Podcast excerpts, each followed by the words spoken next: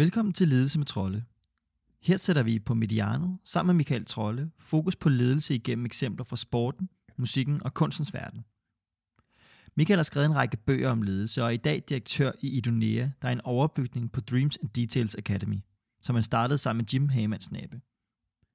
Derudover har han undervist en række af sportens markante trænere som Kasper Julemand, Thomas Frank og Kenneth Heiner Møller. Han har også i en årrække været landstræner, sportschef og direktør i Volleyball Danmark. Mit navn er Anton Mærkød. Jeg er redaktør på serien og vil sammen med Michael Trolle i en række kapitler kigge på ledelse med et afsæt i hans erfaringer og viden. Vi regner med, at vi laver ca. 15 afsnit i serien. God fornøjelse. I dette afsnit af Ledelse med Trolle skal vi blandt andet se på forskellen mellem den lyse og mørke side af ledelse i high performance kulturer. Et bud på den lyse side kunne være ham, du hører hjælpe en elev med at dirigere Beethovens 5. symfoni i baggrunden.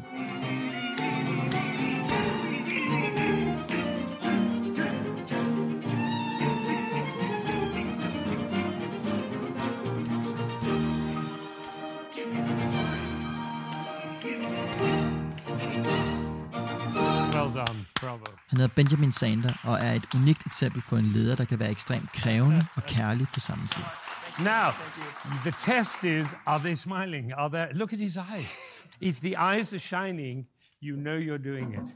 And that's true of teachers, it's true of parents, it's true of musicians, conductors. Så hvis du kun skulle tage en læresætning med fra denne udsendelse, så skulle det være den. But it would be great if we could act in the world so that other people have shining eyes. Til sidst i udsendelsen tager vi afsæt i Sanders Masterclass for at komme i detaljerne på en af vores tids store ledere, og hvordan han står i kontrast til den brutale mørke side af ledelsen, der nogle gange kan foregå i de absolute elitemiljøer. Men før vi når dertil, skal vi forstå, hvad high performance er. Det gør vi blandt andet ved at analysere Kasper Julemands ledelse af herrelandsholdet under EM, det Barcelona-hold Xavi har overtaget, og Thomas Franks mandskabspleje i Brentford, hvor der har været et særligt øje til angriberen Ivan Toni. Derudover vil vi prøve at finde ind til kernen af high performance kultur på tværs af domæner. Altså er der nogle helt generelle kendetegn, der er til stede i alle high performance miljøer. High performance begrebet er jo noget, som øh, har været i vælten længe, kan man sige, og, og der er mange, der gerne vil prøve at få styr på, hvad det egentlig er. Og i virkeligheden sådan direkte oversat, så er det jo bare høj præstationsevne, eller at præstere højt øh, i en dansk oversættelse. Og øh, det kan meget nemt blive et buzzword, som øh, er svært at få styr på i forhold til, øh, hvordan giver det mening. Og jeg har altid været interesseret i at, øh, at finde ud af, hvad der virkelig driver mennesker, hvad der får mennesker til at præstere, øh, fordi jeg jo også altid har syntes, at det var vigtigt at forstå, at det lå til grund for, for dels at bringe mennesker de rigtige steder hen i verden. Og dybest set, så tror jeg jo på, at et velpræsterende menneske i menneskets liv giver et, et anerkendelsesværdigt, elskværdigt og, og mere lykkeligt liv. Så den der stræben efter at prøve at finde ud af, hvordan mennesket kan præstere og agere i den kontekst, mennesket er i, er jo vigtig. Og de der, at lede efter de der kontekster, der er, er high performance og rummet for high performance måske en speciel kontekst. Kunne være en kontekst, som godt kunne eksistere på forskellige niveauer. Øh, sammen med Allan Levan i gamle dage, øh, sammen med Erik Rasmussen og Ubred mandag morgen, der blev der lavet en konference, der hed Elite på alle niveauer. Og i virkeligheden talte den lidt ind i det her med high performance på alle niveauer. Altså, kan du være en high performer som købmand i byen, eller slagter i byen, eller kan du være det som hjemmehjælper på plejehjemmet? Øh, hvad betyder det begreb egentlig i de sammenhænge? Og det, som jeg synes har været interessant, det har jo været at, at prøve på en eller anden måde at få styr på de her begreber og finde ud af, hvad de betyder, i bestræbelserne på at kunne bruge det selv, der hvor jeg var, øh, som jo var elitesporten på det tidspunkt, og, og mange andre steder nu, primært erhvervslivet, men samtidig også hjælpe andre til at være inspireret af, at prøve at finde deres rigtige, øh, rigtige rum at være i i livet. Det rigtige rum i livet, det skal vi nok lige forklare. Når vi snakker om rum, man kan være i i livet, snakker vi her primært om præstationsrum, som når en fodboldspiller går ind på banen foran sit publikum. Men det kunne sådan set også være, når de sidder i klasseværelset eller derhjemme som mor eller far. Og for at et rum er rigtigt at være i, siger vi her, at det skal være et sted, hvor man troværdigt kan få anerkendelse for den rolle, man indtager i det rum. Senere i udsendelsen udpensler vi i detaljer, hvilken adfærd og kultur, der kendetegner et high-performance-rum på tværs af de fire performance-kulturer, sport, kunst, erhverv og forskning. Nu taler vi om, om high performance i dag, men, men for at sætte det ind i en sammenhæng, er vi jo nødt til at se det i forhold til andre præstationsrum, for at forstå det. Det er jo det, der er spændende. Og det spændende er jo så, om man så også kan vælge det rigtige rum til sit hold. Når vi taler om, om de forskellige performance-niveauer for eksempel, altså hvis man tager og siger low performance, performance, high performance, det excellente, det virtuose, øh, så er der forskellige karakteristika, der øh, udtrykker, hvad, hvad der er i de rum. Ikke? Og hvis man for eksempel kigger på, vi kunne bare tage det over i en anden verden, for eksempel erhvervslivet, så det vil, være, vil der være steder i erhvervslivet, hvor det vil være anbefalesværdigt at have et, et højt krav til kvalitet og, og standard performance. Og det ligger inden for den forventelige levering af det, der skal komme ud af det rum. Medicin. Det kunne være produktion af medicin, øh, højt klassificeret, godkendt, øh, og absolut uden nogen som helst øh, fejlmuligheder. Men øh, den selv samme medicinalproducent kunne have en forskningsafdeling, der lå og arbejdede med high performance, som var meget mere øh, forskningsbaseret selvfølgelig, undersøgte og eksperimenterede, begik fejl og skabte læring på højere niveauer, og i virkeligheden undersøgte, hvad der skulle til for at sikre, at produktet kunne udvikles i en performance-sammenhæng, hvor at det var stensikkert, at produktet var i orden. Så det er det her med at vælge det rigtige rum til den, til den rigtige tid og sted i og for sig. Og det kan nogle gange være meget fastlåst i et narrativ, altså en historiefortælling om, hvem vi er. Og øh, det er jo det, Kasper også, julemand, forsøger med fodboldlandsholdet, øh, når han siger det første, han taler med spillerne om, når de kommer ind til en, en, en, en, en samling fodboldlandsholdet, det er at minde hinanden om, hvem vi er. Og det har også noget at gøre med, at det er jo virkelig noget med Kasper, øh, siger, hvad er det for et narrativ, vi er født ud af, og som vi stadigvæk ønsker at være en del af.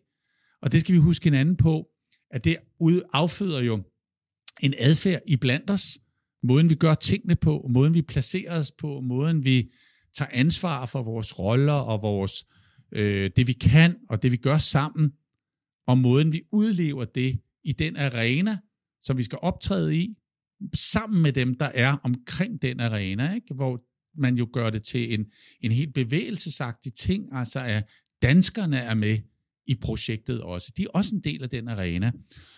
Og så definerer vi det mere eller mindre bevidst. Og, øh, og det er jo elskværdigt i forhold til de mennesker, der er med, fordi det gør rent faktisk, at alle, der er med, kan søge ind i den rigtige rolle til at understøtte at være det rigtige sted. Og øh, i dag taler vi meget om high performance, og, og jeg tror jo på, at når vi snakker topidræt for eksempel, jamen så er vi oppe og berøre high performance rum, excellente rum, virtuose rum, ikke? Øh, det tror jeg er ret vigtigt. Så hvis man ligesom skal, skal prøve at forstå det her i en bedre kontekst, så er vi ikke ude på at, at bedømme rum øh, med den hensigt at fordømme rum. Vi, er, vi har den hensigt, at vi gerne vil forstå de her rum, vi vil gerne forstå de her præstationssammenhænge, for i virkeligheden at hjælpe folk til at kigge på, hvad det er for et rum, de har brug for på deres livsrejse i en given sammenhæng. På deres studie, i fodboldklubben, i familien måske, på arbejdet, og så prøve at tilstræbe, at der foregår det rigtige i det rum. Med den hensigt, at jo bedre man gør det, jo større chance er der for, at de mennesker, der rejser med dig igennem de rum, vil trives i dem, men i bund og grund vil trives, være engageret og motiveret, fordi de rum vil skabe den største chance for, at de opnår et optimalt følgeskab, føler sig en del af et rigtigt rum, af en rigtig adfærdskultur, bliver anerkendt af de andre, der er i rummet, og derved føler sig elsket. Og derved, i forhold til noget af det, vi har talt om i motivationskontinuumet og nogle af de andre udsendelser, og kommer til at tale om, øh, i langt, langt højere grad, vil være fuldstændig rigtigt kalibreret i rejsen igennem det rum. Og derfor vil de her rum jo også eksistere for os mennesker i forskellige kontekster i vores liv. Vi kan være high performer et sted, performer et andet sted, og desværre måske også low performer et helt tredje sted i vores liv. Men at det dybest set handler om at prøve at få det til at gå op i en højere enhed. Og jo højere grad vi gør det, er det i min optik, at vi skaber mere resiliente, lykkeligere mennesker, fordi du i virkeligheden vandrer igennem dit liv med de her døre, du kan åbne til de her forskellige rum i dit liv, og dybest set have en ret stor og god balance i den livstid, du er her. Ikke? Fordi du kan jo ikke være i alle rum på én gang. Øh, altså, der er 24 timer i døgnet. Ikke? Sådan kan jeg godt lide at se det. Og når vi har ansvaret, det har vi jo for eksempel i idrætsverdenen som træner, eller sportsdirektør, eller leder, eller, og det er det også i alle mulige andre verdener, så er det vores forpligtelse at prøve at stille det rum til rådighed så godt som muligt. Så hvis vi nu er i en situation, hvor vi ligesom går tilbage og siger, at i dag kigger vi på high performance, så er vi nødt til at vide, hvad der er i det rum. Vi er nødt til at forstå det i en kontekst af en idrætsgren for eksempel, og så sige, at, øh, at det hus, vi stiller til rådighed, de døre, folk går ind af, ind i det rum, hvis konteksten betinger, at det skal være high performance, for vi kan et eller andet fællesskab der, det er det, der er forventningen, så må vi også sørge for, at når man går ind i det hus, ind i det rum, så er det et high performance miljø, man er i. Og derfor er det vigtigt at finde ud af, hvad består det af? Fordi hvis vi skal skabe sådan et volleyballhus, eller et fodboldhus i Midtjylland, eller i FCK, eller Brøndby, eller OB, eller hvor det nu er, så er vi nødt til at forstå, hvad der er i det hus. Og det er det, der gør det rigtig, rigtig svært. Fordi nogle gange, så kan omgivelserne have en forventning om, at det hus skal være anderledes. Fordi det måske engang har været sådan. Og nu skal det blive ved at være sådan. Men lige nu er det måske ikke det rigtige hus for os, der skal prøve at genskabe den bygning. Altså, man kunne næsten sige, at nogle gange har vi måske behov for at rive huset helt ned og bygge noget nyt på grunden. Ikke? Når jeg hører der snakker om de her ting, så en af de ting, som jeg lægger meget mærke til, er, at man skal kunne vælge det rigtige rum at placere sig selv i, og det oversætter jeg til, at man skal have eller finde de rigtige forventninger til, hvad der kræves af en i forskellige rum, og om man kan leve op til de forventninger. Der er jo mange, der har mantra om, at man skal stræbe efter det perfekte, velvidende, at det ikke findes. Og der er nogen, der hellere vil øh, leve op til sine forventninger, for så at blive frisat af at kunne, øh, kunne have levet op til det, man skulle. Ja, så få modet, ikke? Mm. Altså, det, det er vigtigt, at vi, at vi anerkender de her forskellige veje, men hvor det er i virkeligheden det samme sted, vi gerne vil hen med mennesket, ikke? Altså, det er en meget fin tilgang til respekten for det menneske, man i en eller anden relation skal være servant leader for. Det er jo at tilbage til kirkegård og forstå, hvad er udgangspunktet? Hvordan forstår vi det mennesker? Og derfor leder det jo tilbage til en anerkendelse og erkendelse af, at det er rigtig, rigtig vigtigt at forstå og have en holistisk tilgang til de mennesker, du inviterer ind i det pågældende rum, men også at de mennesker mere eller mindre bevidst forstår sig selv. Fordi ellers er det svært at placere dem. Det er jo ikke nok at tage en fodboldtrøje på og sige, at vi spiller fodbold. Altså, det er det her med, man skal forstå spillet, ikke? men hvad er det for et fodboldspil, vi skal forstå? Fordi det har jo altså alle mulige nuancer, og er kontekstafhængigt. Det vil sige, det er også afhængigt af situationen. Ja, kan du være øh, high performer i 3. division? Ja, altså det kan man jo måske godt være, øh, hvis at, øh, at det er 3. division domæne, vi taler om. Fordi der vil jo altid være nogen der, hvis high performance inden for et givet domæne, er dem, der trækker gennemsnittet op, og vi ligesom definerer intervallet for præstationen, så kan det måske godt. Og i virkeligheden er det high performance, der sammen med low performance, i en eller anden forstand skaber middelværdien. Hvis der findes elite på alle niveauer, så peger det i retning af, at der er nogle generelle ting, der karakteriserer disse rum, på tværs af domæner og til dels også på tværs af niveauer.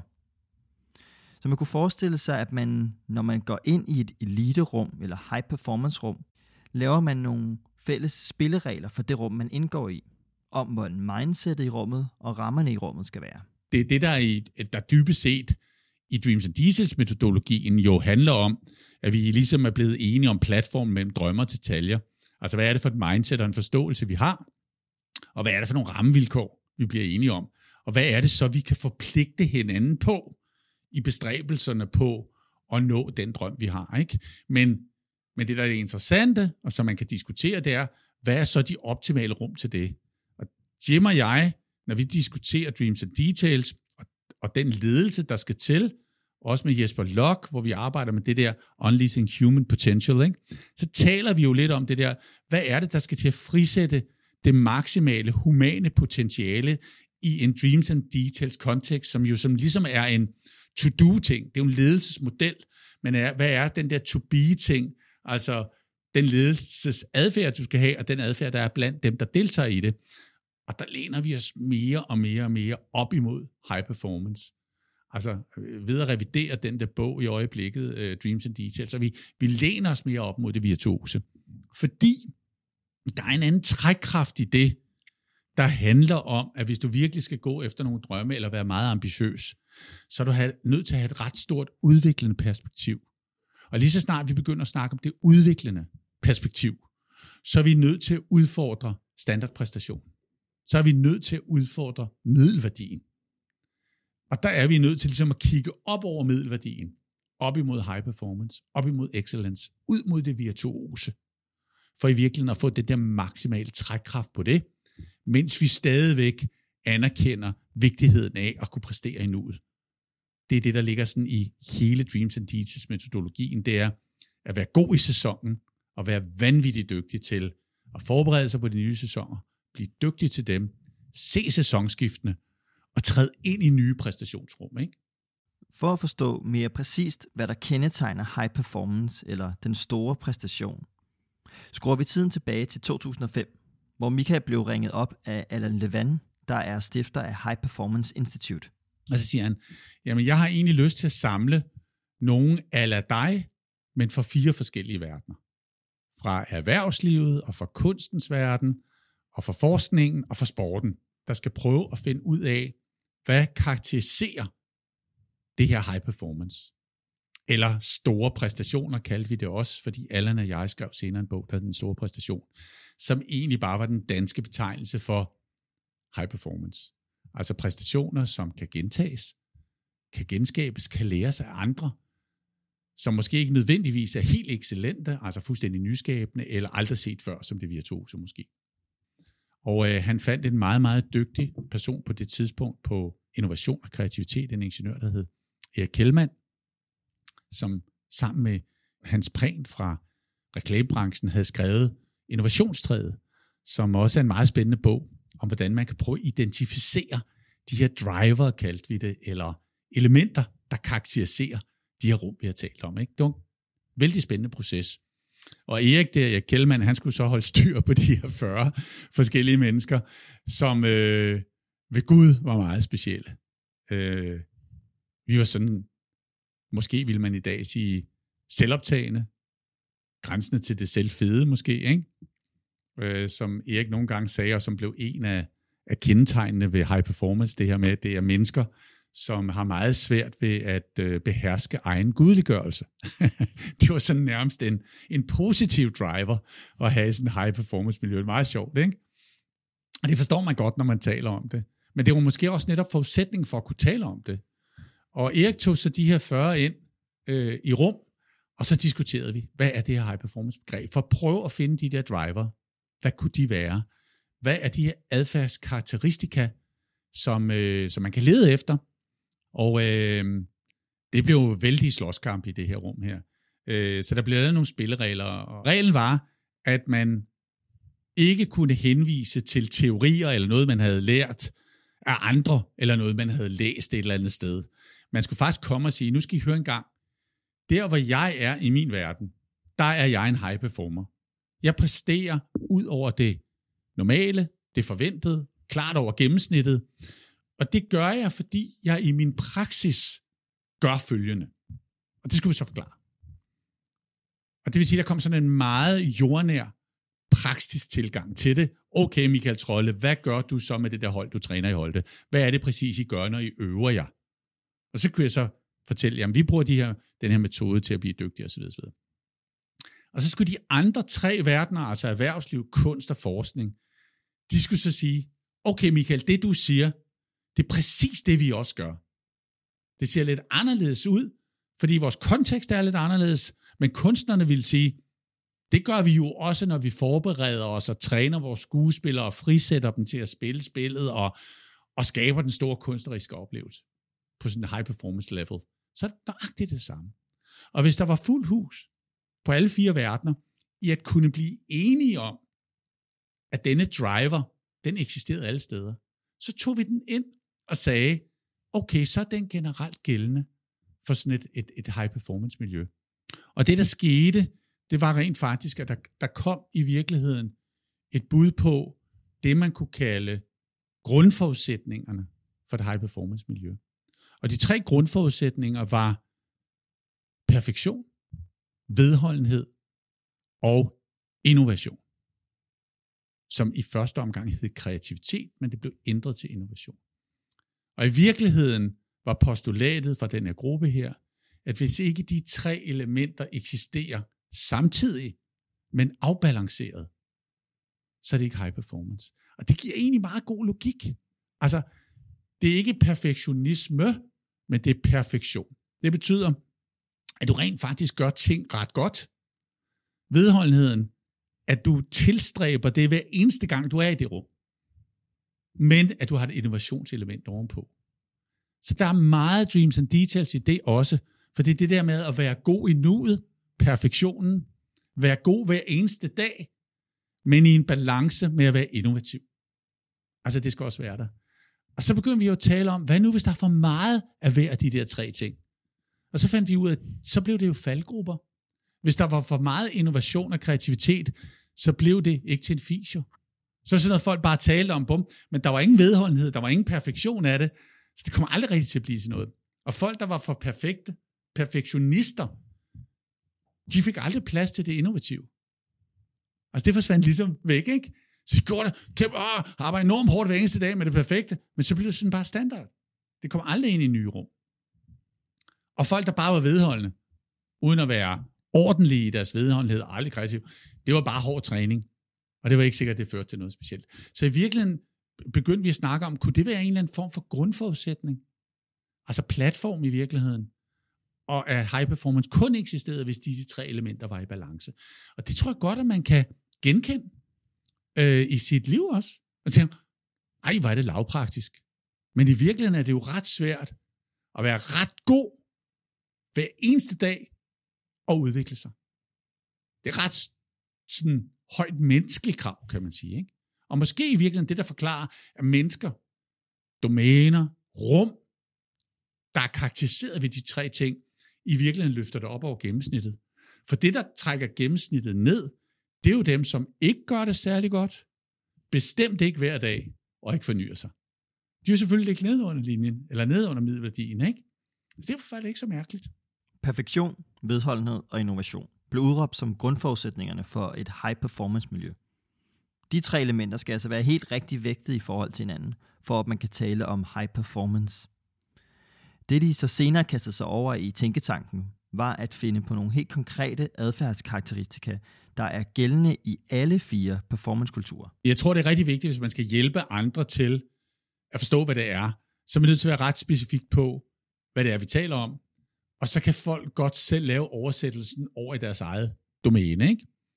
Øh, så, så, så det, var nogle, det var nogle af de ting, vi rent faktisk forsøgte.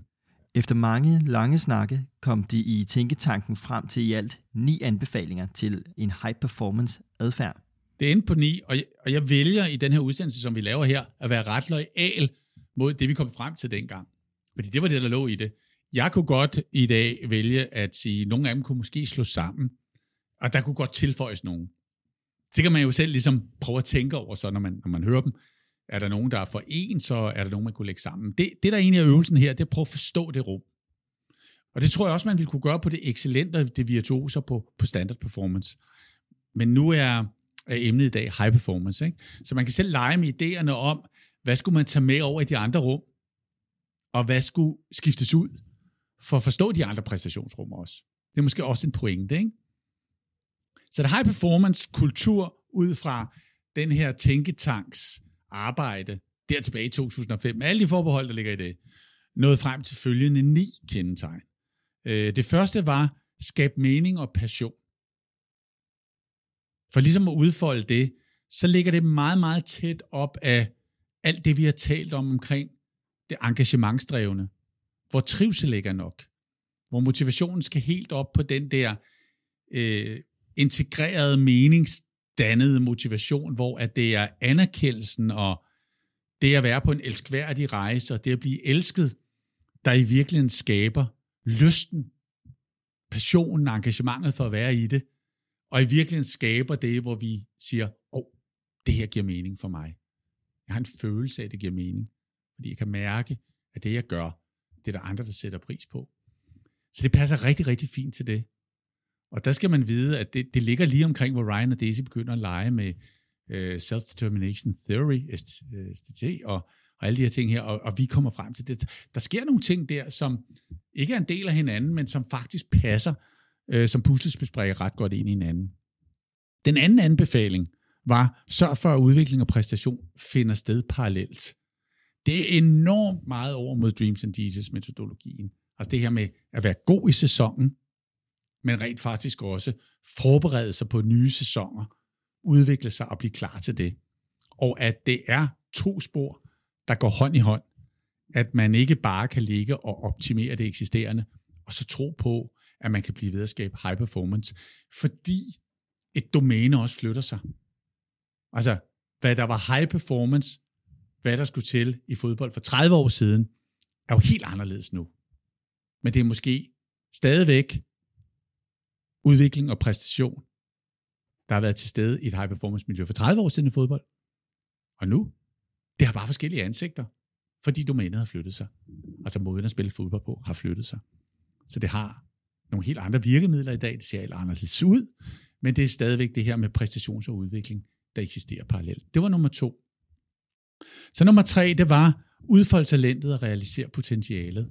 Og det er klart, det ligger jo ikke som nogen overraskelse, fordi hvis high performance handler om at ligge over gennemsnittet, så er du nødt til at sørge for, at de mennesker, der er over gennemsnittet, er dygtige. Der kan du være heldig, at du kan rekruttere til det niveau. Men hvis domænet flytter sig i sin præstationsudvikling, så er du også nødt til at gøre folk dygtigere og dygtigere og dygtigere. Og hvis der er mennesker involveret, så er det jo noget med at sørge for, at det talent, der måtte være, det potentiale, der kan identificeres, kan blive sat i spil på bedst tænkelig måde. Ikke? Det passer rigtig, rigtig godt ind i det, vi har talt om med hensyn til sportens største ledere. Øh, hvad er det, de kan? De er meget, meget, meget bevidste om det, synes jeg. Så er der firen, som sagde sats på specialister. Det var ret interessant, fordi der var en diskussion i Danmark på det tidspunkt, også på ledelse, om ledelse, som var ved at bevæge sig over mod for det første generalister, og om folk, der skulle præstere, i virkeligheden havde gavn af at være brede, således at de ligesom kunne tage over fra hinanden. Altså okay, sådan helt lavpraktisk i en virksomhed. Øh, Anton er på ferie, så hvem tager sig Antons opgave, mens Anton er på ferie? Ikke? Men i virkeligheden er det ikke særlig high performance. Altså, fordi måske er det et spørgsmål om, at netop fordi vi har Anton, der er specielt god til noget på vores hold, og han spiller den rolle, så er vi i stand til at spille over gennemsnittet. Øh, så det blev også en diskussion omkring det, både på det, man kunne kalde spiller-medarbejderniveau, men også på ledelsesniveau. Hvordan skal vi tænke det der med specialister? Ikke? Og det, der så er faren ved det nogle gange i ledelse, det ved vi jo alle sammen godt, det er så, at du satser så meget på nogen, der er specielt gode til noget, så de faktisk ikke er særlig gode til at lede. Det er jo heller ikke særlig godt. Så der er noget i det der, som er udfordrende. Ikke? Øh, den femte var, have mod til at sætte holdet og vælge fra det var os, der kom fra sportens verden. Det var noget, vi er sådan super godt trænet i. Det ligger også i, kan man sige, præstationsrummet, og i særdeleshed i high performance rummet i sportens verden, at det er sådan fuldstændig legitimt. Altså det skal vi. Og det er noget, vi gør. I starter ind, og du starter ude, og vi skifter, når, og hvordan og hvorledes, og vi øver os, og folk kan blive sat af et landshold, og nye kan komme til, og landsholdet kan leve sit liv. Ikke? Men i andre verdener var det sindssygt svært at håndtere. Og det er stadigvæk et af de punkter, når jeg nogle gange snakker med erhvervsliv for eksempel om det, hvor de siger, at vi har vanvittigt svært ved det her. Og i nogle lande er der jo regler i erhverv for, om du må sætte folk af på holdet. Og hvor jeg nogle gange simpelthen ikke rigtig kan forstå det, fordi det hæmmer præstationen, og nogle gange hæmmer det også den lidt hårde næste kærlighed, nemlig at blive mennesker over i nogle andre rum, hvor de passer bedre. Så i virkeligheden fastholder man nogle gange mennesker, for selv, måske en high-performance kultur, hvor de faktisk ikke trives, og hvor de kunne være meget mere værdifulde i det andet rum. Hvilket jeg synes er ikke særlig med, medmenneskeligt faktisk. Men det skal vi forstå på den måde, for, for ligesom at kunne komme derind. Så var der det her med øh, i, den, i den sjette anbefaling, give specifik og anerkendende feedback. Det var måske også meget for sin tid på det tidspunkt. Jeg tror, at det var fordi, at, at man var ligesom enige om, at vi, vi er nødt til at være lidt mere, kan man sige, sådan insisterende. Vi er nødt til at være mere udviklingsorienteret. Vi er nødt til at være mere præcise i den måde, vi arbejder med mennesker på. Det er meget udtalt i dag, synes jeg, af den menneskelige side, vi ser af mange, for eksempel toptræner i dag, giver dem jo faktisk en relation, som vi har talt om tidligere, der gør det muligt at være mere specifik i udviklingen. Men hvor de så også meget, og det er faktisk anbefaling øh, nummer, nummer syv, det er med ros ofte og troværdig. Altså hvor det så giver dem rettigheden til at bygge de her spillere gennem rent faktisk at rose. Så i princippet udsætter de dem for næsten nogle gange sådan nogle virtuose forløb. At de giver dem enormt meget feedback på, hvordan og hvorledes de er ret, øh, kan man sige, insisterende og krævende. Ikke? Også når vi, når vi sådan hører og taler med Kasper Julemand omkring de her ting, så siger han, at jeg er meget krævende i det. Men når folk så udvikler sig, så har de også autoriteten og troværdigheden til så at sige, hold kæft, du er blevet meget bedre. Nej, hvor er du blevet god. Fordi det, det er folk, og så ved de godt, at det at bygge mennesker igennem det, at rose dem, for de derfor får en større anerkendelse i fællesskabet, ikke? så når Jürgen Klopp roser øh, øh, sine spillere, øh, Mohamed Salah for eksempel, og så ved han jo godt, at han i scene sætter ham i hans selvforståelse, i tilhøret på holdet, og i tilhøret blandt fans, og i kalibreringen ude i hele verdenssamfundet, der følger de her Champions League-kampe, og derved sørger han for at skabe mening for, for den pågældende spiller i den sammenhæng. Ja, jeg tænker, at der kan også være noget af det samme, der gælder øh, for, øh, da Kasper Julemand efter slutrunden meget aktivt støttede op og roste Mathias Sanka.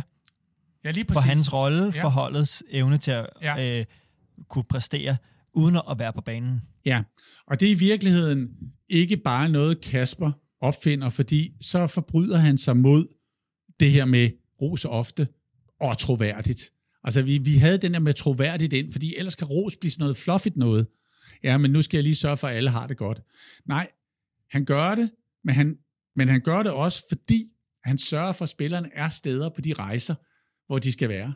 Altså, at de er det rigtige sted i forhold til holdet.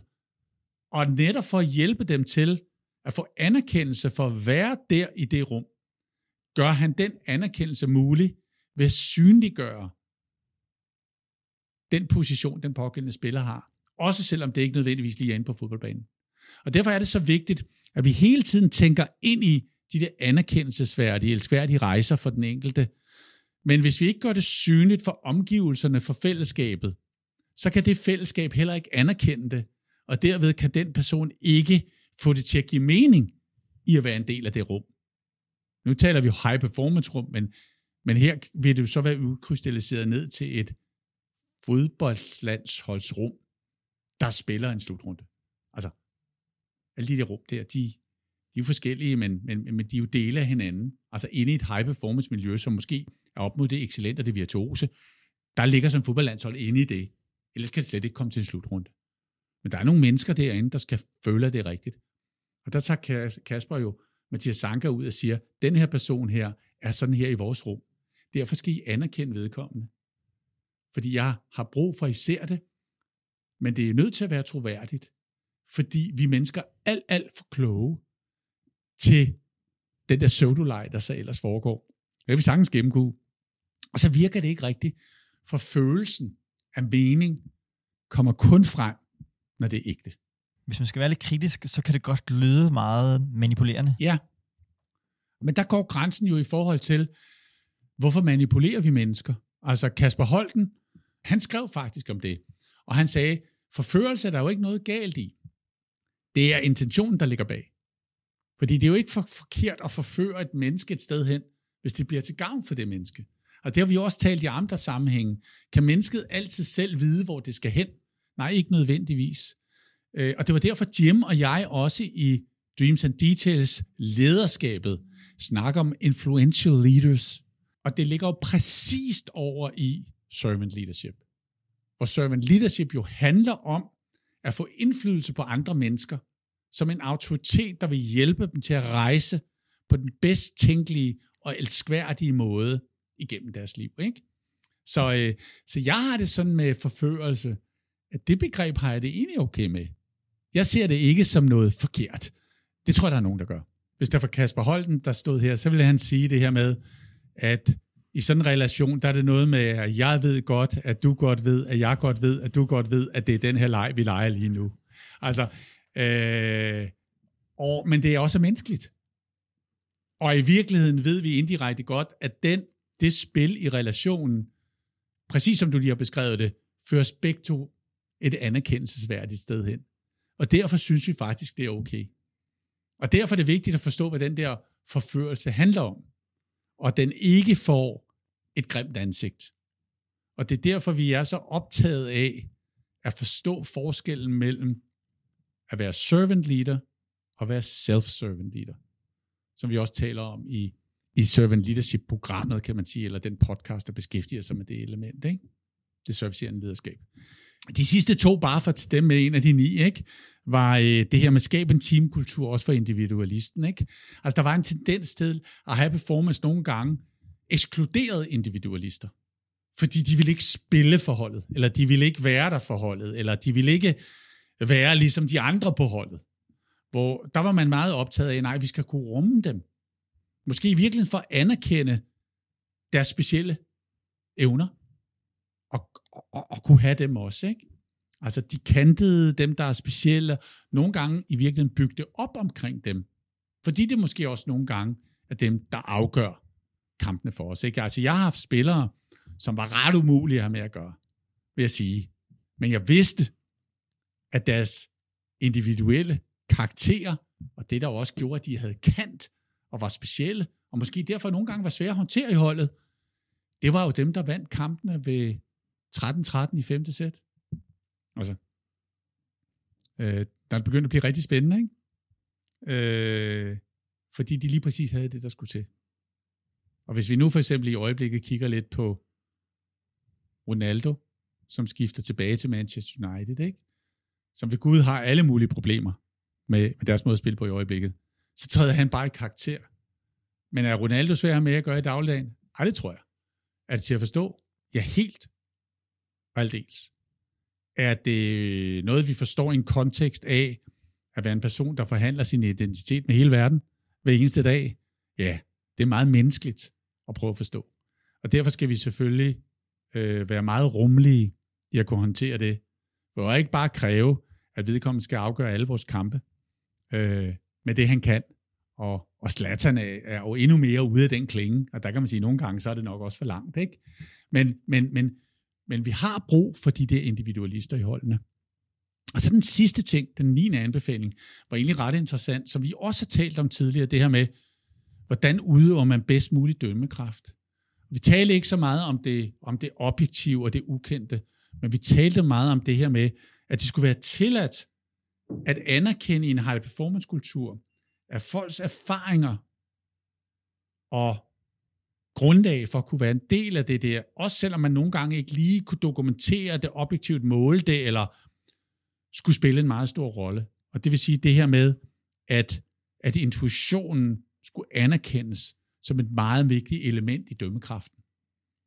Fordi ellers blev det ikke high performance. Så blev det for meget et meget begrænset interval i at bedømme, hvad der egentlig skete. Nemlig det, vi måske objektivt kunne måle.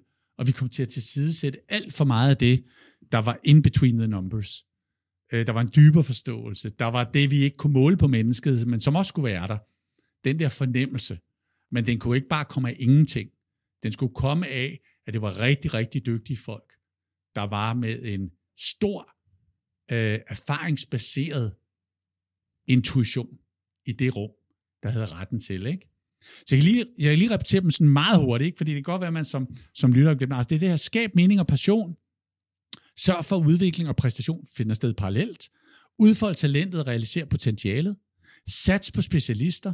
Ha' mod til at sætte holdet og vælge fra. Giv anerkendende og specifik feedback. Ros ofte og troværdigt. Skab en teamkultur, også for individualisten. Og brug din intuition som vigtig del af dømmekraften. Så kan man sige, er der er ikke meget mere i det end det. Og det kan godt være.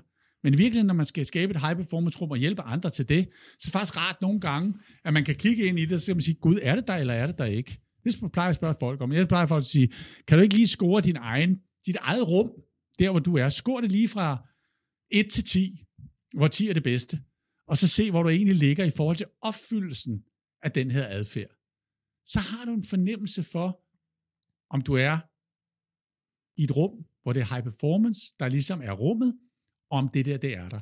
Det betyder ikke, at hvis du har lav score, at det er så forkert.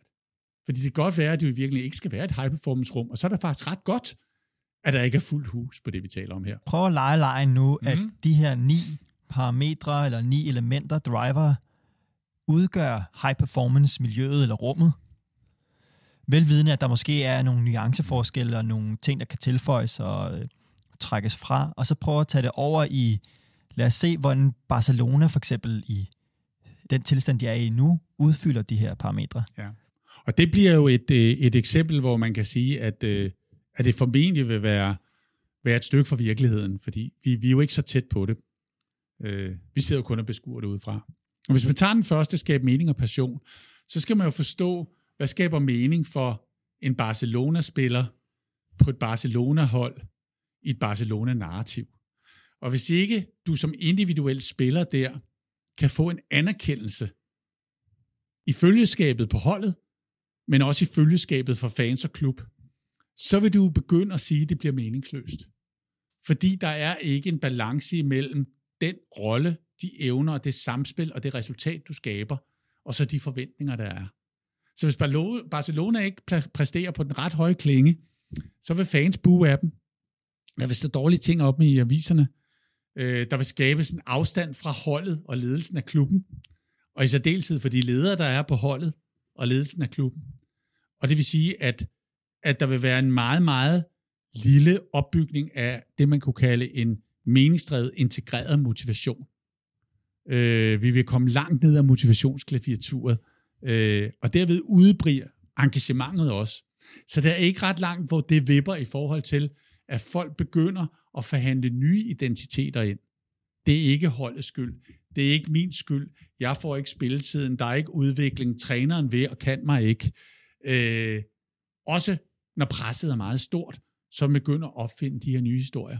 Og det er ret farligt i sådan high performance miljø, fordi lige pludselig begynder folk at spille for sig selv, og de spiller ikke for holdet.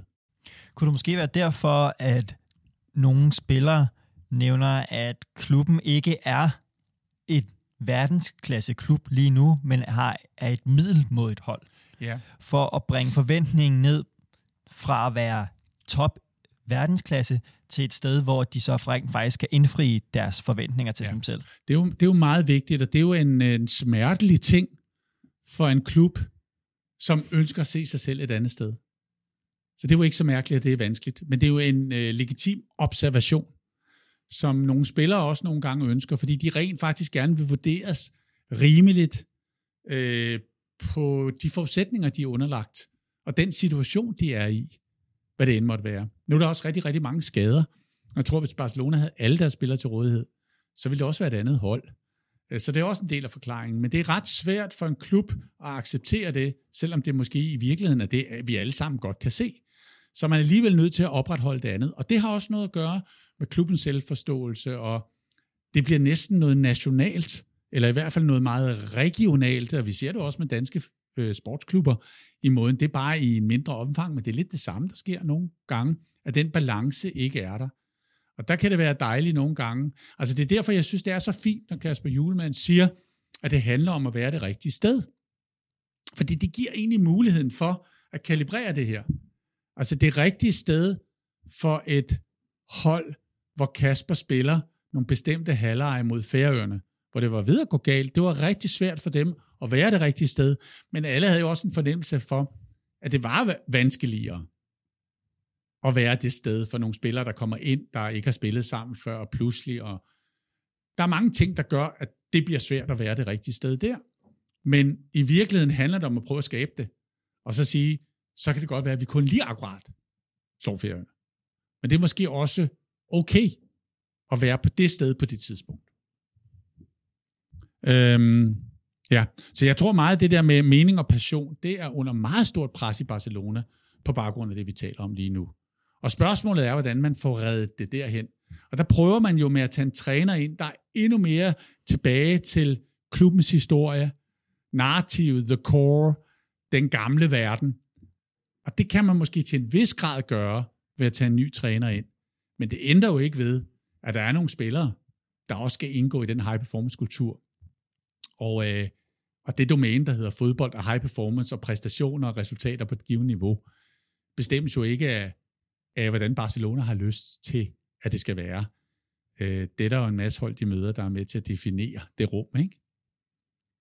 Så, øh, så der passer det i hvert fald meget godt, at hvis man tager, tager det ned med det her udvikling og præstation skal, skal foregå parallelt, eller det her med udfolde talentet og potentialet, så er det klart, at når man kommer under det der præstationspres, hvor man skal gå fra kamp til kamp og suboptimere for at vinde, så bliver du nødt til at bruge rigtig, rigtig meget af din træning på at få den eksisterende præstation og nuet på plads. Spillerne bliver ressourcer, der skal fitte bedst muligt ind. Du bruger al din tid på at få de ressourcer til at passe sammen.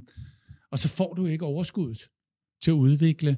Du har ikke øh, overskuddet på de eksisterende spillere til at give nogle nye spillere nogle chancer for at komme ind, etablere sig og løfte det. Øh, og det er selvfølgelig den udfordring, der er. Jeg synes, Koeman forsøgte lidt her på det sidste også at bringe nogle unge i spil, ikke? Og, vi, og vi ser det jo også på nogle af de Superliga-holdene i øjeblikket, hvor der er nogle af holdene, der er meget unge, Brøndby for eksempel, ikke?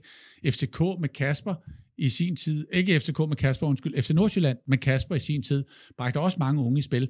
Og hvor svært det er, men at det rent faktisk godt kan lykkes. Men så er det jo, at, at udvikling skal have et meget, meget, meget stort ståsted i den daglige high performance kultur, ikke, kan man sige. Og så er det det der med at satse på specialister, jamen så skal du have specialister. Der er det ret interessant i øjeblikket, at det synlædende er ret vigtigt. Altså, Slattern er ved at være 40. Han har altså stadigvæk en ret stor betydning for Milan, tænker jeg. Altså, i hvert fald her for nylig, ikke? Mm-hmm. Øhm, så, og det samme med Messi på Barcelona. Man var ved nogle gange at tænke, ja, men fylder han for meget? Altså begrænser han forløsning af de øvrige spillers muligheder, fordi det hele tiden handler om Messi, ikke? Men i mange, mange, mange, mange år var det jo bygget op omkring ham. Og man ser lidt med, med Ronaldo også lidt på den samme måde nu. Så man siger, hvad er betydningen egentlig der? Jeg tror, vi stiger splint på, hvad den, hvad den her specialist gør. Jeg tror, vi overser specialistens betydning for de øvrige, i troen på, at det kan lade sig gøre. Også selvom tiden går. I at tiltrække sig opmærksomhed, som frisætter de øvrige til at kunne gøre noget andet. Altså der er en større, der er et større impact, end vi ser. Men nogle gange som træner er det, er det vanskeligt at håndtere, fordi det kommer til at handle lidt for meget om dem, og ikke om holdet. Ikke? Og øh, Thomas øh, Frank deltog på, på noget af det der uddannelse, vi laver i, i, i Dream Steels Academy. Og, øh, og Thomas øh, snakkede også det her med, at der går rigtig, rigtig meget tid på de der vigtige spillere, altså Ivan Tony, da han kommer ind, øh, da de har solgt Watkins til, øh, til Aston Villa, ikke? Øh, så skal han jo finde en ny ind, og så kommer Ivan Tony ind, og hvor, hvor Thomas så siger, det er jo ikke fordi, jeg ikke tager mig alle de andre spillere også. Det er bare rigtig, rigtig, rigtig vigtigt, at den spiller kommer rigtigt på plads. Fordi hvis vi får den der frontløber, der kan de der ting for os, så kan vi komme det rigtige sted hen med Brentford. Og så forløser det en masse andre ting. Og så er vi ligesom tilbage på den klinge, der Olli var der. Og så tror de andre på, okay, det kan godt være, det er en, der er forsvundet, men der kan komme en anden, der kan blive mindst lige så god. Så der er også noget signalværdi i som træner at vise, at ham her, jeg kommer med til jer nu, skal nok løse de usikkerhedsmomenter, den tvivl, I måtte have lige nu, om vi kan. Fordi lige om lidt, så er det lige så godt eller meget bedre. Så nu kan vi godt vinde championship alligevel, og komme det rigtige sted hen. Ikke?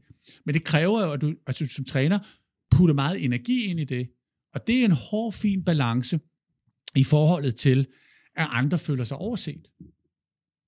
Ikke får lige så meget. Ikke? Så det der med, at, og, og det er måske det, der ligger i sats på specialister. Altså det er en lang snak, vi har nu, men jeg synes, der er nogle tydelige ting, nogle, nogle interessante ting at kigge ind i. Øh, og jeg kan selvfølgelig tale om, fordi jeg har oplevet dem alle sammen. I min verden også. Øh, helt de samme billeder, ikke? Øh, af det her. Og så er det det der med at have mod til at, at sætte holdet og vælge fra, ikke? Som, som jo kræver, at du sætter dig selv som leder meget i spil. Øh, og tør være tro mod det, du gør. Også tør stille dig op på ølkassen og sige, jeg har valgt at gøre det her. Men hvor jeg godt kan lide, at det i højere grad ikke handler om at vælge til at vælge fra, det vil jeg ikke have skrevet i dag. Jeg vil have sagt øh, til enhver tid at bringe de rigtige relationer og kompetencer i spil. For vi har brug for dem alle sammen. Og vi har også brug for en spiller som Sanka, som måske slet ikke kommer ind.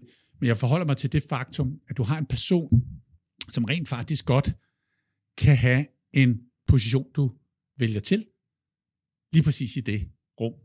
Og ikke nødvendigvis er det et spørgsmål om, at, at når vedkommende så ikke er der, så har du valgt personen fra. Nej, du har valgt en anden til. Øh, ligesom når vi ser i dag, at, at der bliver skiftet nogle spillere ind og nogle spillere ud, øh, så er det i virkeligheden nogen, der bare erstatter nogle andre, der har gjort deres. Det er jo en ret fantastisk ting, ikke? At, at man kan spille så fysisk nu med nogle spillere i fodbold, så man rent faktisk kan bruge dem i den meget fysiske rolle, men også godt ved, at de kan ikke spille hele kampen. Fordi så er de færdige. Ikke? Hvor i gamle dage, der spillede man måske middelmådet med alle, og så skiftede man den dårligste ud.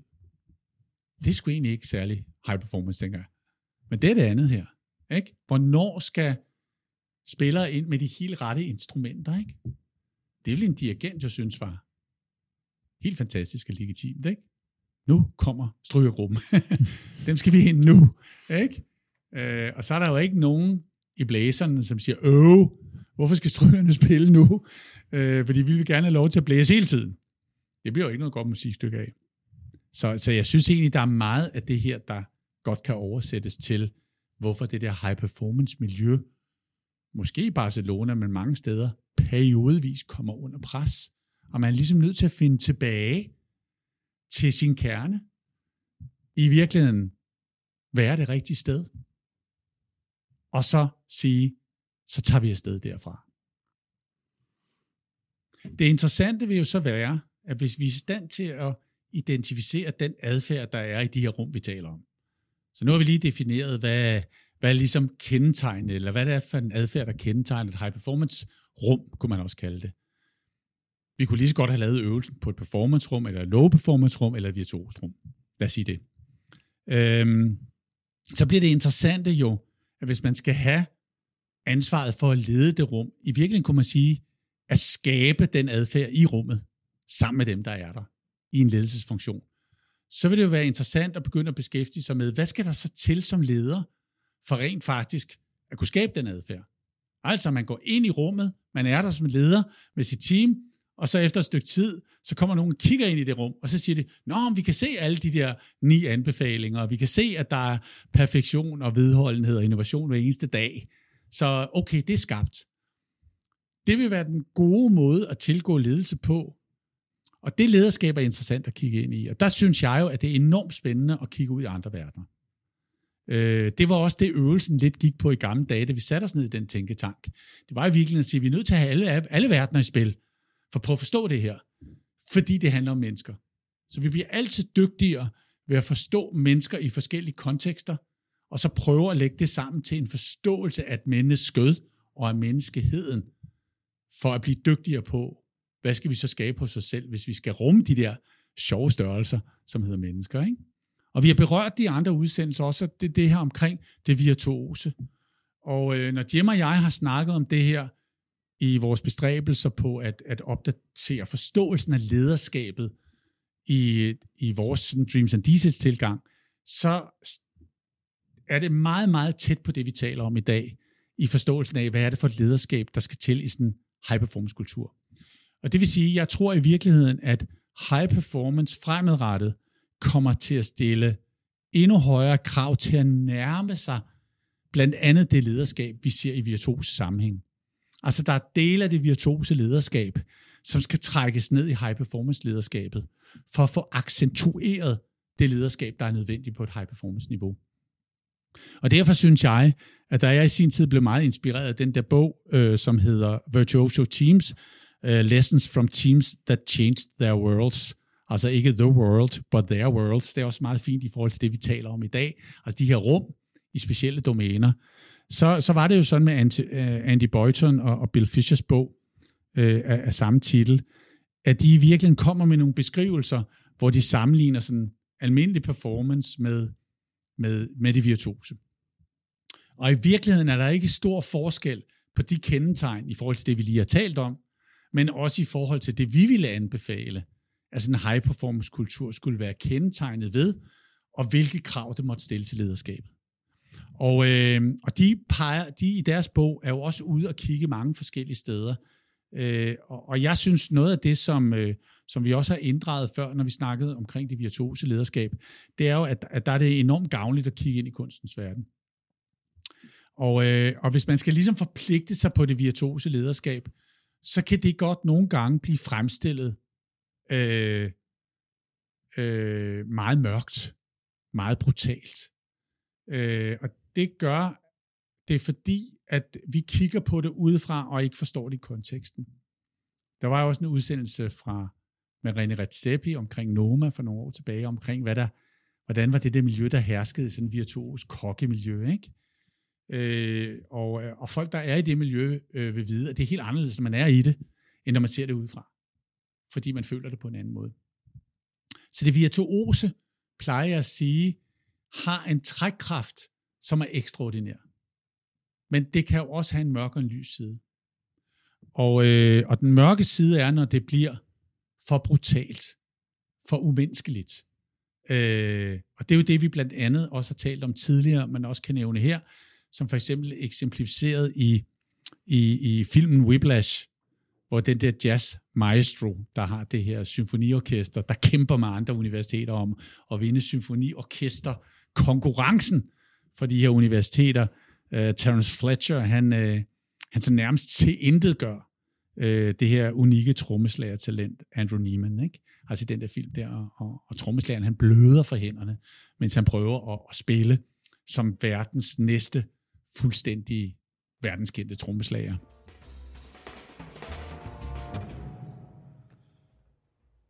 Little trouble there. Let's pick it up at 17. Ready?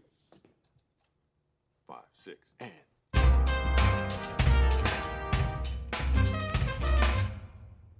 Not, not quite my tempo. Here we go. Five, six, and. Downbeat on 18. Okay, here we go. Five, six, and. Og det er, det, det er jo det, der er så svært at forstå nogle gange, og hvor man nogle gange heller ikke skal bedømme det, men man skal faktisk bare alene observere det og mærke det, og tænke, okay, det her, det er jo kompromilløst insisterende.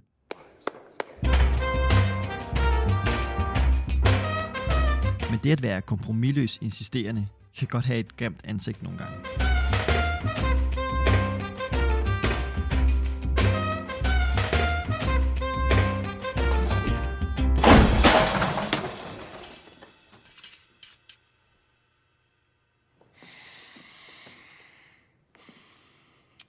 You suppose I just hurled a chair at your head, Neiman?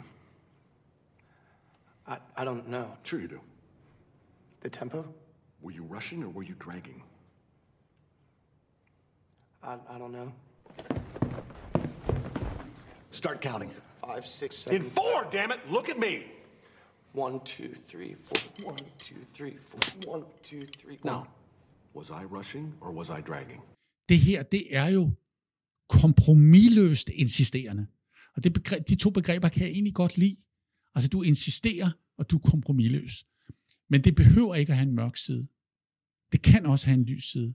Og det synes jeg, vi ser mange steder nu. Så jeg tror, at vi skal, vi skal have modet at sige, at en high performance kultur skal trække nogle af de her virtuose lederegenskaber ned for at kunne skabe det rum, vi lige har talt om, der skal skabes. Og øh, den helt vidunderlige, virkelig elskelige øh, eksempel på, den lyse side er jo, er, jo- er jo orkesterlederen for Boston Philharmonics, øh, Benjamin Sander, som man kan se på nettet, kører sine masterclasses, sådan fuldstændig vanvittigt. Og den der måde, han, øh, han sådan på en halv time kan flytte sådan en dirigent ved virkelig at fluppe dem fuldstændig fra hinanden, og nå at genopbygge dem, og efterlade dem med et kæmpe kram, når de forlader den her masterclass, er noget, alle, der gerne vil være dygtige ledere, burde sætte sig ned og studere. Øh, Det er ganske enkelt second to none. Altså, det er præcis den samme mission, han er på med sine unge dirigenter eller sine unge musikere, som i Whiplash. Men han tilgår det på en helt anden måde. Good, great. Okay, well done. Very good, very good. Very good, Daniel. Now, you're at enormous advantage because you are actually a string player. Yes. And so this one of the difficulties you're facing is that this is really difficult to conduct. Every conductor finds it difficult. Først siger Sander indirekte til den unge dirigent, at det er okay, at han fejler, fordi selv de største har svært ved at dirigere det her stykke. Men så tester han ham, ligesom Terence Fletcher fra Whiplash gjorde. First thing to do is to decide exactly what to do. Right. So the first bar is a downbeat or an upbeat? Were you rushing or were you dragging? Upbeat. Upbeat, clearly upbeat. Do you know which number in the bar structure it is? Fourth bar. Fourth bar. Perfect. You've done your work.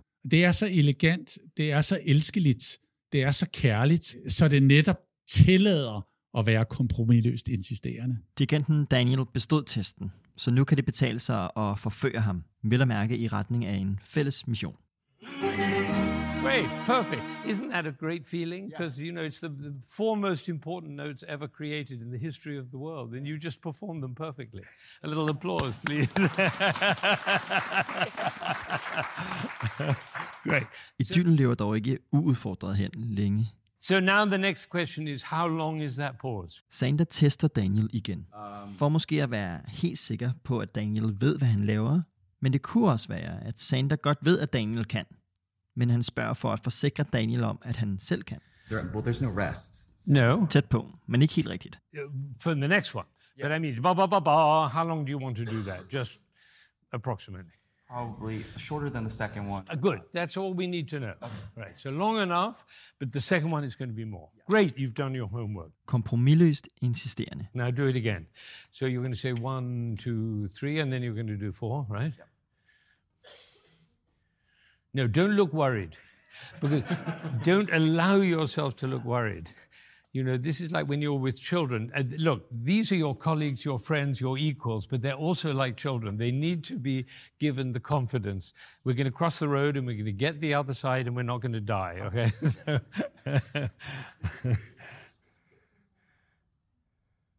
Good. Now, that's Anbefaling nummer brilliant. 6. Giv anerkendende og specifik feedback. Anbefaling nummer 7. Ros ofte og troværdigt. Now, that's brilliant, and you're absolutely right. There's no extra bar. They don't know whether you're going to do that. You have to be very, very clear that you're not going to do an extra bar. So from the beginning to the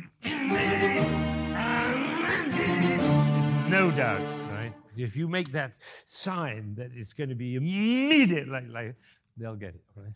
Okay, got it? Great. You're doing terrifically well.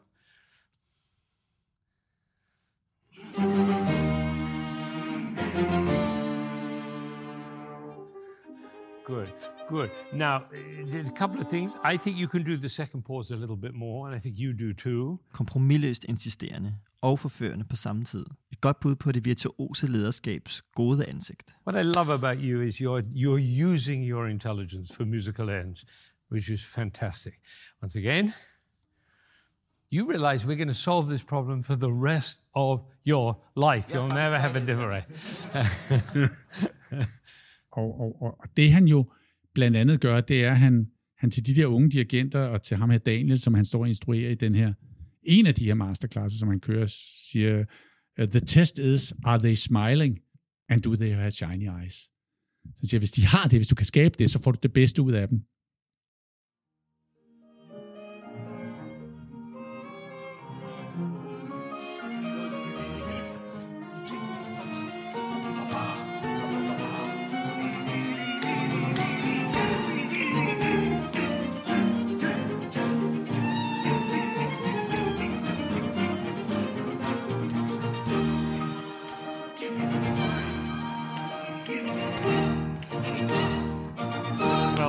Done. Bravo.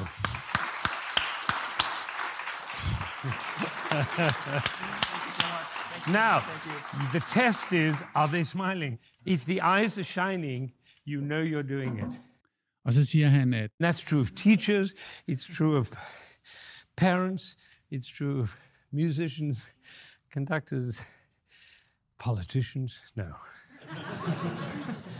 but it would be great if we could act in the world so that other people have shining eyes. altså, som ligesom, okay, hvis han skal komme med en vigtig ledesætning for, for virtuose ledere, så er det virkelig, hvis du skal bare teste på, om folk har øh, skinnende øjne på den gode måde. Så kan det være skinnende glade, eller skinnende, fordi du er rørt. Øh, og som Kasper Holden jo så nogle gange siger, vi vil gerne måle nede blandt publikum, øh, om de græder, fordi så er vi lykkes med operaen, og så skal vi egentlig bare sætte fugtighedsmåler op. Så kan vi ligesom måle, om der, der, om der er fugt og tårer i rummet, ikke? så har vi ramt den rigtigt, så har vi skabt stor kunst. Og så siger han, well done, Daniel. You're doing fantastic. And you, you know what's amazing is you made a true transformation in this room while we were here together, and they saw it. And they, every one of them is saying, "Wow, we can all do that," and that's a huge gift to be open the way you are open. it's a tremendous gift to be open the way you are open. Altså, at du i virkeligheden tager det her ind nu, og er villig til at gå ind og prøve at skabe de her shiny eyes. Og grunden til, at du kan det, siger han så, Because you're basically at home with yourself, comfortable. You love being alive. And that's a great gift to share. And, and musicians respond so generously when you give them that.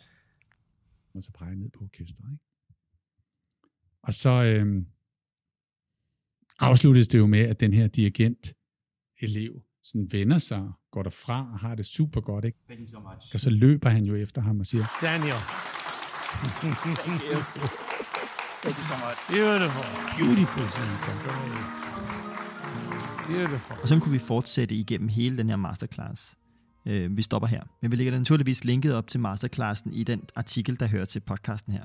selvom det er virtuos, selvom det er kompromilløst insisterende, så har den her elev det rigtig, rigtig godt. Og øh, Benjamin Sanders giver ham, han er tæt på 80, ikke? Altså så, han kan sgu stadigvæk drible rundt på den der, det der podie, ikke? Og så løber han efter ham og giver ham et kæmpe kram. Øh, og hvor man bare tænker, ej, hvor er det rigtigt. Altså, men man skal stadigvæk lige kunne gennemskue og forstå, at, at det er stadigvæk kompromilløst insisterende mod at skabe high performance. Og den relation er der, ikke? Men, øh, men den bliver bare så styrket igennem, igennem det. Så derfor er han også en mega servant leader, ikke?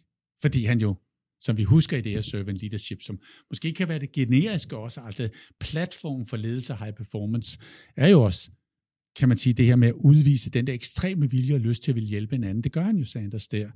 Øh, og han er sådan hård næstekærlig, omsorg, elskelig og elskende over for eleven, øh, og vil virkelig bruge noget af sin tid, altså en halv time individuelt med Benjamin Sanders, en af de dygtigste i verden, ud af et 80-årigt liv, er stadigvæk en ret værdifuld transaktion for en ung orkesterleder, ikke? en ung dirigent. Det, er- det er meget få.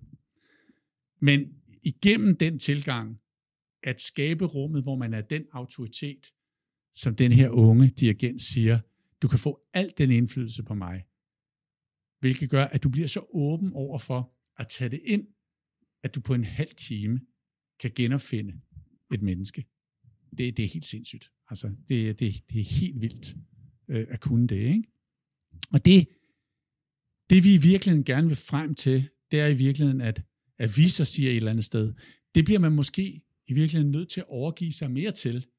Altså, at man tidligere måske har tænkt, high performance kan godt være sådan et lederskab, som er so-so, og vi indgår kompromis, og det hele skal ikke være så fantastisk, og vi behøver ikke at gå hele vejen, og, og der er jo lidt det der med, nej, perfektion, vedholdenhed, innovation.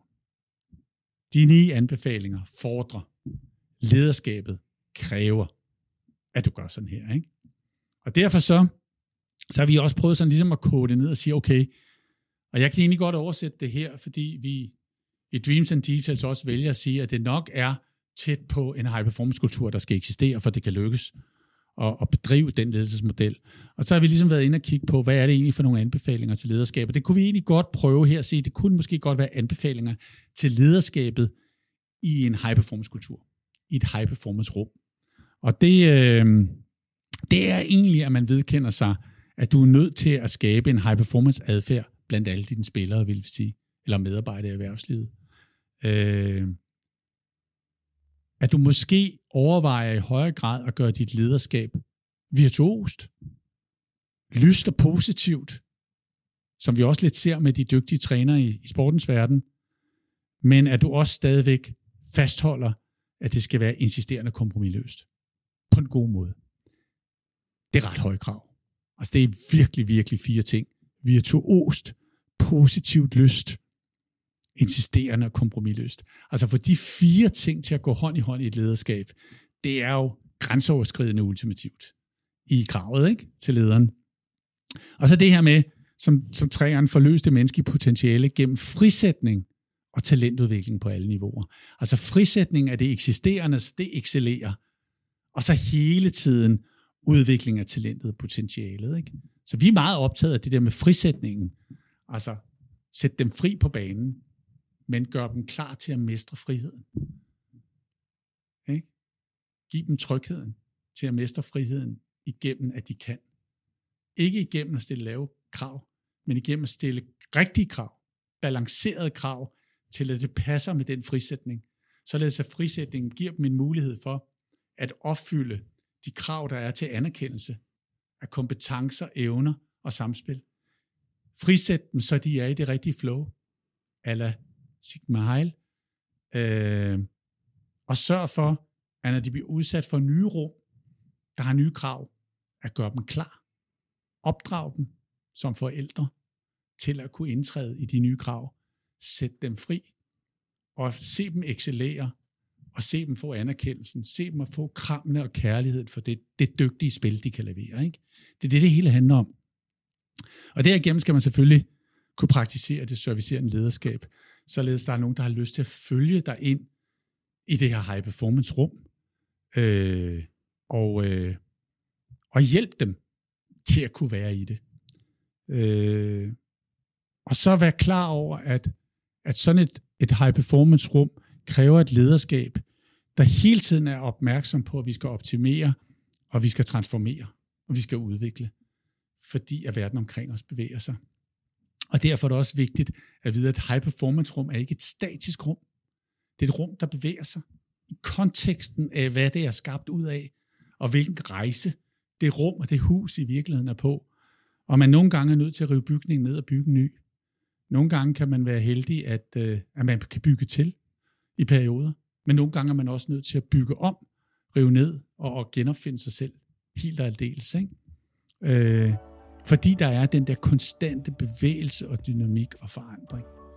Så derfor handler det her high performance leadership i virkeligheden om igen at vende tilbage til at sørge for at skabe elskværdige high performance rejser for de mennesker, der er rigtige for det rum, som har valgt at gå ind ad den dør, som du lukker op til dem og inviterer dem ind af, og så sørge for, at det, der foregår i det hus, øh, giver ekstrem mening for de mennesker, øh, du skal udøve dit lederskab for.